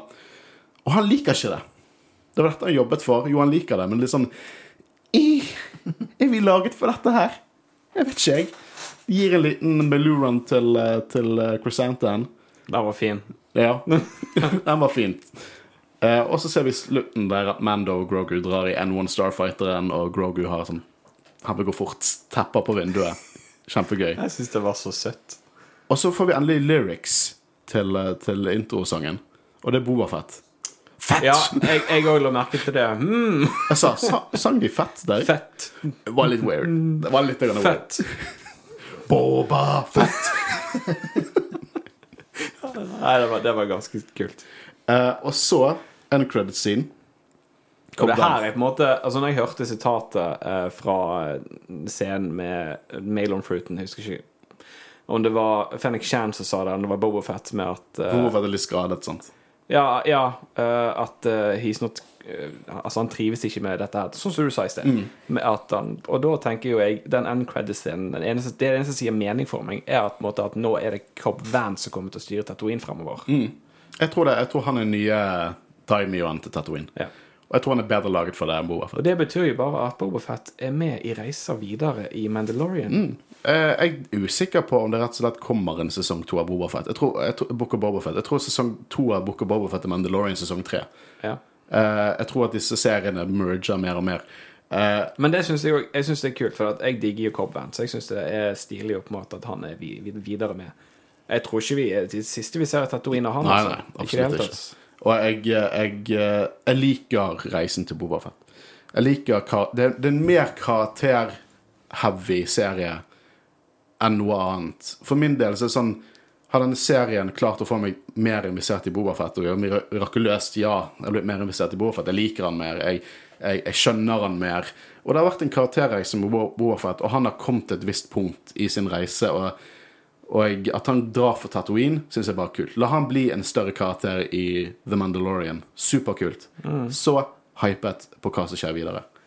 Kjempehypet. Uh, jeg syns det, Skal, vi, skal vi ta spørsmålet Hvorfor brukte han ikke Slay One? det det, som er, det som er utrolig, er at det var Hvis ikke Det er sånn hvilket helst annet scenario som har vært sånn Åh, det er lame at vi ikke fikk Slave One. Men jeg, jeg dret i det. Sånn, Ja, jeg- Takk og pris at vi fikk rankeren, men Mando hadde sikkert kommet sånn derre Oh, the velocity of the blasters of Slave One can penetrate their shields? Nei, men eh, jeg er enig med deg. Jeg syns det er mye kulere det vi fikk nå. Men spørsmålet er jo der. Hvorfor brukte han ikke Slave One? Nei, jeg, jeg antok at det var de skjolene. Det var det de hadde Og så vil han jo ikke ødelegge byen. Det er kanskje Nei, nei, nei, ok Han bruker, han bruker en Precis. fuckings rancor, men han vil ikke bruke han skipet sitt. Ja, men hvis han flyr fort, og så skyter det Kanskje bare slippe en seismic charge der. Jeg tror det er litt collateral damage som skjer der. Jeg vil nå si Den rancoren gjorde ganske mye damage. Og jeg gjorde det. That's a lot of damage, for å si det sånn. Uh, men hva synes vi om episoden? Nå, nå når vi har gått gjennom det på nytt igjen, hva, har dere fått noe annet? Noe annet Altså, jeg, det jeg sitter igjen med, er det samme. At jeg syns episoden er dødskul. Uh, Bobafett skinner. Uh, denne scenen med jetpackene er dødskul. Rancor-scenen er dødskul. Eh, men det er på en måte dette med introduseringen av f.eks. Cad Bane, og at det er en stor oppbygging i fem episoder, at de kanskje kunne jeg, jeg, God storytelling, for all del, men kanskje de kunne ha brukt eh, denne eh, fighten som de på en måte har piffet opp til nå i slutten, eh, og gjort det om til kanskje mer enn én en episode. Ja. Jeg, jeg tror episoden kunne klart seg med, klart seg med åtte, Men- serien kunne klart seg med åtte episoder, synes jeg. Ja, men som enkeltepisoder altså, er noe av det beste vi har fått levert, syns jeg. Absolutt. Og jeg digger flashback-scenene, og det er masse kult her. Eh, masse veier videre, så de på en måte har eh, kan bygge videre. Eh, Som, som forrige episode jeg nevnte, at dette er den Star Wars-episoden som åpner så mange veier. Og eh, ja, nei, det er egentlig det, det samme. Dødskul episode, men det er serien, på en måte. Fett! Fett. Ja. Du da, Håvard? Ja, nei, jeg står for akkurat det samme som jeg sa i stad, og jeg kan bruke Kristians ord. Dødskult. Eh, Det var en veldig god episode. Eh, Et par småting her og der med, som jeg har nevnt, med regi og sånn, men det er bare pirk. Det, Ja. det har ingenting Det ødelegger ikke episoden, som det virker som det har gjort for mange. Det, jeg ser at mange aldri vil at eh, Rodriguez skal regissere noe igjen. Det føler jeg er Så dårlig var det ikke. Mm, Jeg ja. jeg òg leser sånne kommentarer, og, men jeg må jo påpeke at de episodene vi kritiserer mest for regi, er jo regissert av Robert Rodriguez. ja, det er jo, det er jo og mye legitim kritikk der ute, men liksom det viktigste koser man seg. Ja, absolutt. Og jeg, kos, jeg storkoser meg. Jeg, jeg er så glad for at denne serien eksisterer. Og jeg, jeg Det var litt det som du sier, at jeg gikk ut fra denne episoden og tenkte Holy mother of God, det var awesome. Og så var det liksom til et internett som bare brente med sånn Å nei, fuck Rodriguez. Og jeg syns det var bra. Nei, fuck deg for at du synes det var bra. Det var kaos der ute. Og jeg skjønte det ikke. Jeg, jeg, jeg, jeg klarte ikke å forstå hvor, hvor hatet kom fra. Nei, men det er det når jeg leser kommentarfelter på episodene på Facebook, eller noe sånt, så er det liksom enten så elsker de episoden og forguder den, eller så hater de den intenst. Ja, det er det, er ikke noe midtpunkt i Men er ikke det litt sånn eh, sjarmen til Star Wars? Det da? har Kontrovers. alltid, alltid vært sånn. Selv med The Last Jedi, liksom. Enten så hater du den, eller så elsker du den. Det ikke sånn Det, det var ikke There's no middle ground. Liksom. Men det er liksom det, dette vi gjør. Vi går gjennom en hel episode og finner det gode og det, på måte, det som kunne vært bedre med den. Mm. Og det, det er det folk måte må, må se på. Ikke bare si 'dette her er døden til Star Wars', liksom. Come on. For det er, litt, det er en del som virker som de tenker sånn Å, jeg var ikke imponert over den ene episoden, så Star Wars er død. Nei, for det, jeg ser så mange som sier at sequel-trilogien ødela Star Wars for meg. Ja, men det er jo så mye annet der ute. Det er jo så mye annet. liksom Mendor-sagaen er en helt annen ting. Det er så mye å ta tak i. sant? Selvfølgelig er det lov til å ha ulike meninger, og det vil jo vi at folk skal ha. Men uh, ikke, ikke, la noe Hvis du ikke liker det, så se frem til det neste, da. da. For det kommer nye ting hele tiden. Hvis du ikke liker filmer, så liker du serier, kanskje. Hvis du ikke liker serier, tegneserier, kanskje bøker. Det er så mye Star Wars der ute, og det er nok for alle. For vi kommer til å, vi kommer til å få noe Star Wars som vi ikke liker. Vi kommer til å få noe i canon som vi ikke liker. Det er uunngåelig. Og da kan ikke vi på en måte få helt panikk hvis, det, hvis vi ikke liker det. Sant? For det, alt kan ikke være laget for alle. Mm. Men for min del, Boko of Bobafett Uh, jeg ser på det som en interlude i The Mandalorian, og for min del var det veldig effektivt. Jeg skal ikke si altfor mye om tanken min om hele sesongen, for vi skal som sagt ha en sesongepisode. Uh, men det har vært mye forskjellige meninger uh, fra dere lyttere. Og det er mange som forguder dette. Det er mange som ikke syns det var så bra, og så er det noen få som var litt midt på treet. Og vi kan selvfølgelig ikke ta med absolutt alle. Men vi har valgt ut et par stykker, så jeg tenker at Kristian eh, skal få lov til å begynne i dag, jeg, siden jeg er så hyggelig. Jeg ga den, deg den som ikke noen Ingen nevnte Chrysanthemum, så slapp du å si Chrysanthemum. Så you're welcome. Jeg har ikke lagt merke til uh, Yes, uh, da begynner vi med første. Uh, der står det 'Post credit scene var underveldende, dessverre'. Jeg ble bekymret når jeg leste den. Ikke fordi at liksom ja, det var jo ikke en jævlig badass sekvens, men det ga oss et hint av hva som skjer videre i den i Mando. Eh, jeg følte, sant? jeg følte det var en fin liten sånn her eh, punktering til det Bobafett sa med at han ikke var cut off til. Og mm. At da er det Cobb Litt hint til hva som skjer videre. Ja. Og jeg er redd for at, at, at, på en måte vi skal bli litt sånn MCU-ified her. Mm. For det at hvis dette hadde vært MCU, så var det typisk at vi hadde sett Kenobi på slutten her. Og det satt tidligere kronologien. La oss følge kronologien. liksom For denne historien så er det Cobb Vanth nå som er viktig, og det, da synes jeg at det var forfriskende. Synd at du følger den ved underveldende, men jeg, jeg, vil argumentere for at det var en mer nødvendig end credit scene enn en noe annet, mm. egentlig. Mm. Og i og med at vi allerede har fått at uh, Mando og Grogu er reunited, så kunne det ikke vært så mye annet. De kunne jo hinta enda mer til Mandalorian sesong tre, men ja, Nei, som du sier, jeg har ikke lyst på MCU Star Wars, der det liksom virkelig hyper på den måten. Jeg følte det passa, og det var kjekt å se at han levde, egentlig. Bare mm. få en bekreftelse på det. For min del kan jeg egentlig droppe end credit scenes, for å være helt ærlig. Jeg føler ikke Star Wars trenger det. Ikke at MCU nødvendigvis trenger det heller, men jeg bare Jeg, jeg, jeg, jeg synes ikke det Jeg, det blir, jeg synes det er så mye fokus på sånt. Mm.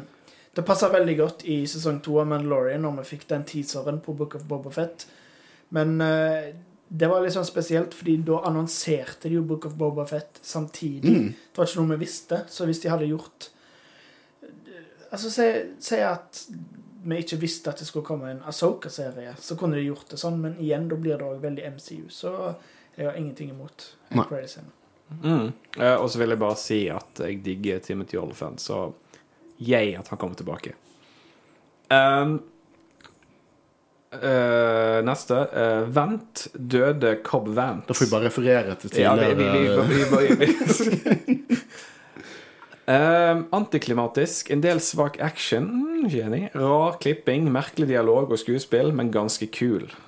Ja. Klippingen er jeg enig i. Det var en scene som Jeg nevnte det ikke nå, men som ikke var like kul som den kunne vært. Det var når uh, de modbikersene redda Chrysanthemum. Så ble de skutt på, og så snudde han seg, og så shit. Men da klippa de liksom sånn at han snudde seg, og så klippa de, og så snudde han seg igjen, og så var det Hvorfor ikke bare ha det på ett film? Liksom At de kunne bare snudd seg, skjøte, og så, så du, snudde de kameraet, og så at de bare falt. ja, for det, jeg, jeg får gulet action her. Mm. Uh, misforstå meg rett. Uh, men uh, jeg synes at Jeg er veldig glad i one takes og stødig kamera mm. når i action. Jeg syns det er mye mer effektivt. Og Rodriguez er litt mer opptatt av raske kutt. Og jeg, eh, så jeg, jeg, ville ta med denne her, fordi at uh, Jeg skjønner hvor han kommer fra med den mm. rakklippingen, men for min egen del uh, Jeg anerkjenner det, men det plagde meg liksom ikke mye. Uh, hvordan døde alle Pikesa, Cad Bane og begge uh, droide... Droidekaene. Droidekaene, ja. Uh, og så døde ingen good guys. Så Hva med ikke Gam det, ja, Gamorian Guards. Uh, Nå føler jeg vi må respektere The Gamorian Guards her. Ja, Men det var flere som døde. Det var flere uh, av de mod-gjengene som døde. Men det var egentlig bare sånne red shirts. Det var ingen hovedkarakterer Ja, ja. som døde. Men det syns jeg er greit. For at, jeg husker kritikken min til første Bryce Dallas Howard-episoden. Den Seven Samurai, um, The, The Village-episoden med raiderne. Og da, min kritikk da var sånn hvor, Ingen døde. Det var bare pirater som døde, eller raiders som døde, men ingen i landsbyen fikk, som så skrubbsår. Og i Clone Wars dør folk i hytt og pine, og det er et kidshow. Det irriterte meg. Så jeg var glad når Red Shirts dør i live action. For da tenker jeg sånn, OK, ok, nå, nå, det må være litt vold i action. Nei, Star Wars. Vold i action, det òg. Men uh... Men jeg skal si meg enig i at uh, la oss hylle disse Gamorian Guardsene litt, altså. Vi har jo kjent dem de siden episode én, ja, jeg, ja. jeg er stor uh, Gamorian-stan. Um, Du hvor- lærte meg det ordet, Håvard. Jeg har brukt det så mye etter det.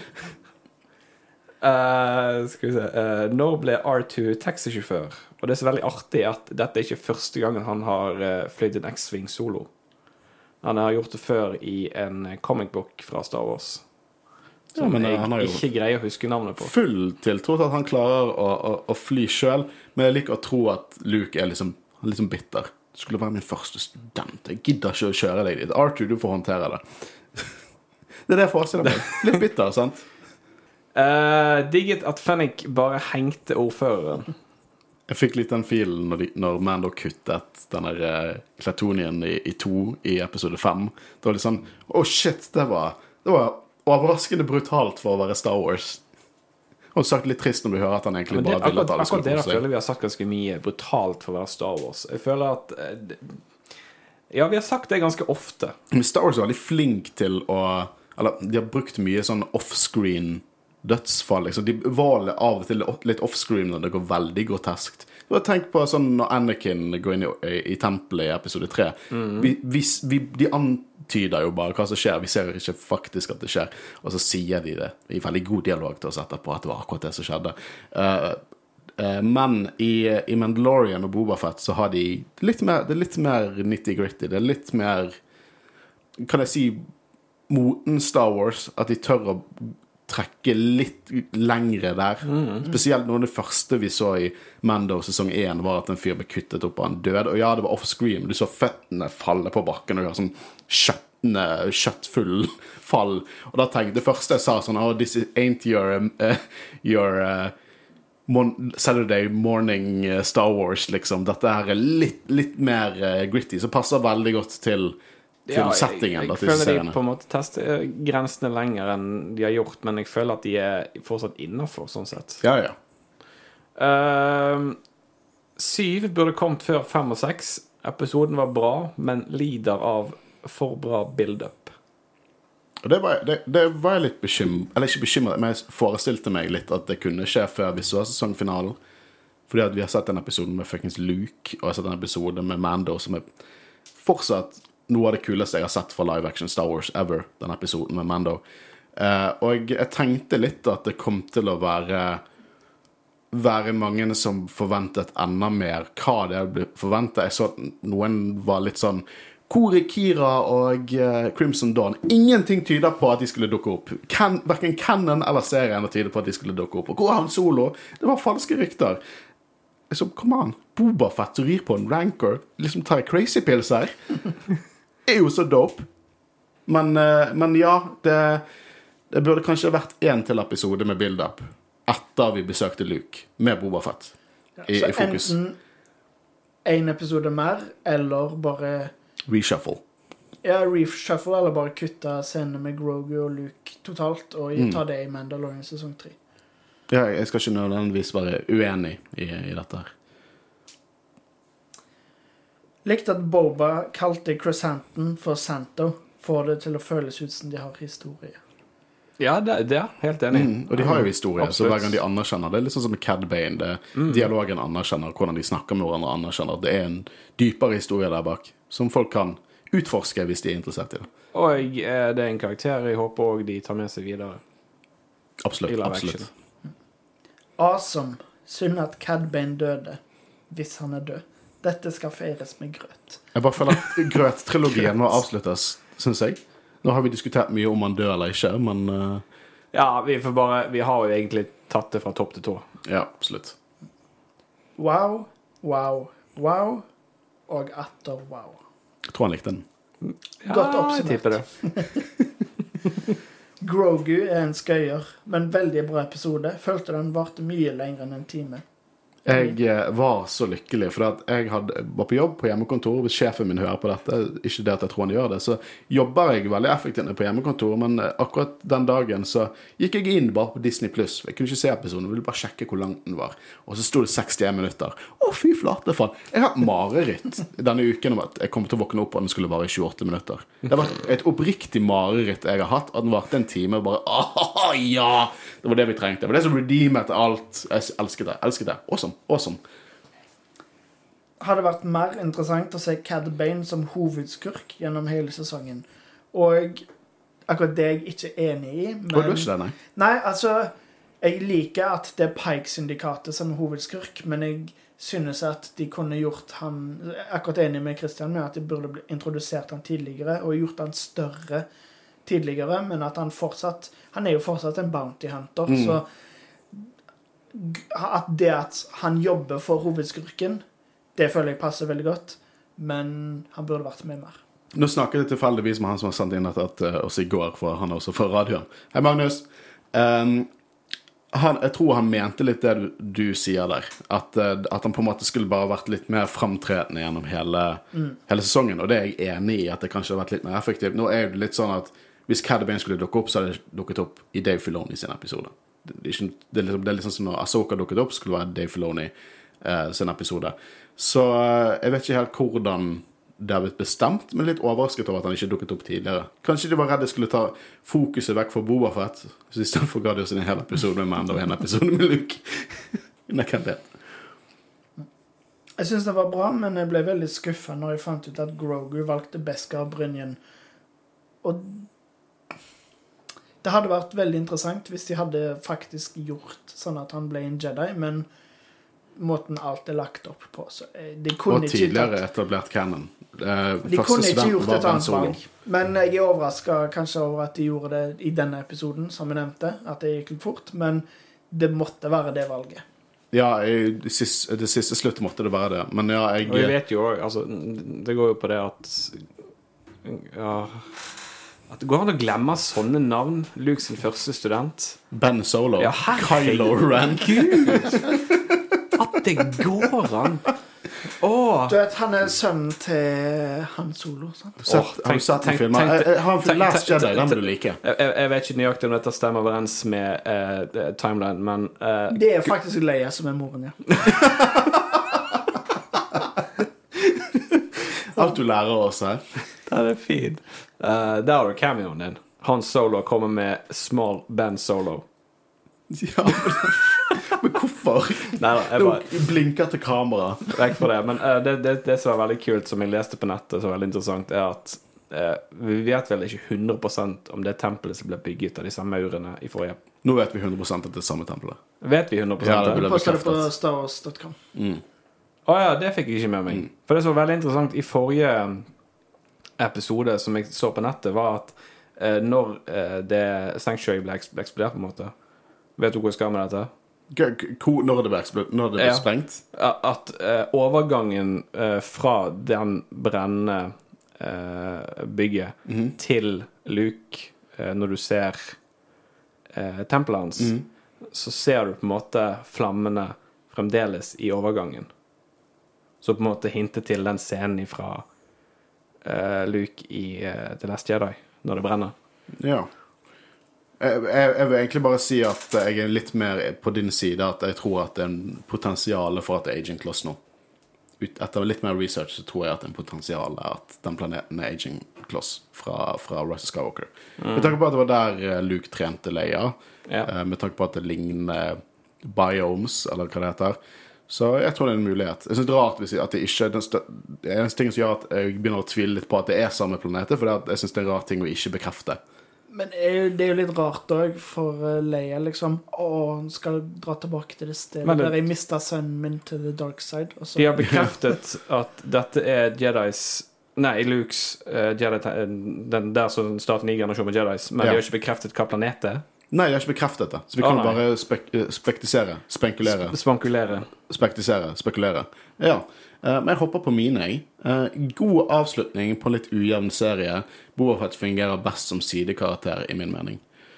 Um, jeg, vil, jeg vil nesten si at Bobafett har vært mindre enn en sidekarakter tidligere. Han har mer vært som en I, originaltrilogien alene så har han vært en, en, en eh, Basically en supertrooper. I Mando sesong to så var jo han en veldig kul sidekarakter. Og jeg skjønner litt hva innmelder, eller Vincent her mener. Men jeg er fortsatt veldig glad for at vi har fått den konteksten. Og det kan godt hende at det vi ser av Boba i fremtiden, er en sidekarakter i Mando. Eh, hvem vet? Men eh, jeg er i hvert fall veldig glad for at vi fikk dette. Jeg er glad jeg har det innblikket av Boba Fett. Dette er sånn type Star Wars-content som gjør at jeg har ny kontekst til gamlere serier. Jeg, kan, jeg kommer til å se på Empire Strikes Back med nye øyne nå.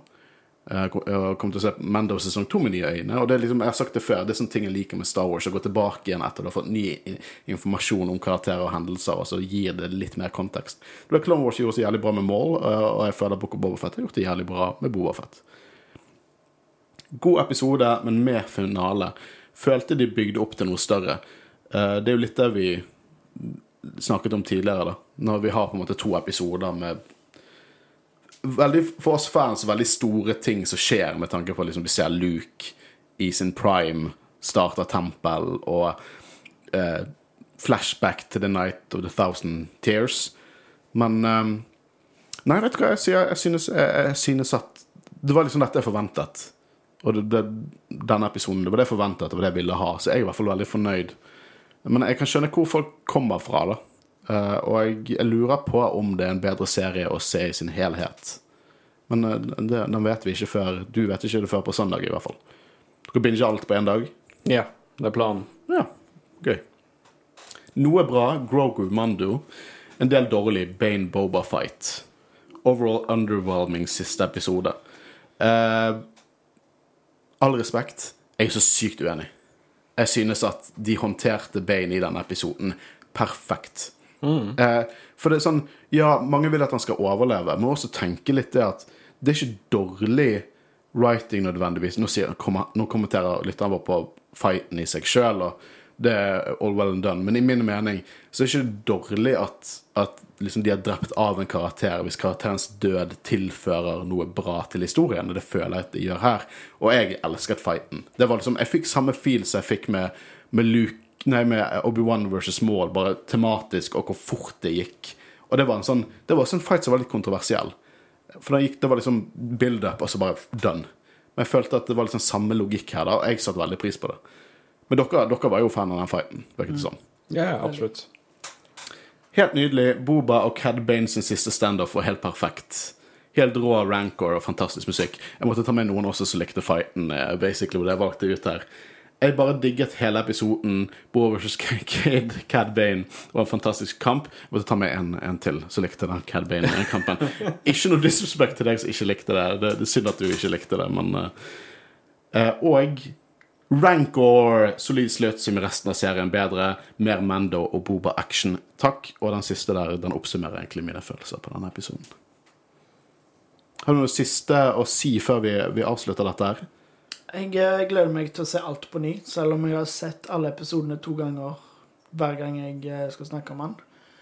Eh, Så gleder jeg meg å på en måte se alt i sammenheng, og jeg føler kanskje dette er en serie som burde blitt sluppet alle episodene samtidig. Jeg syns det.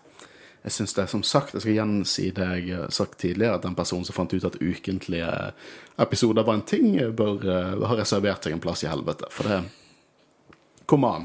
Akkurat denne serien burde alt bli sluppet på en gang. Og ja, det er litt sånn Det er veldig gøy å ha en ny episode hver onsdag som vi snakker og gleder oss til.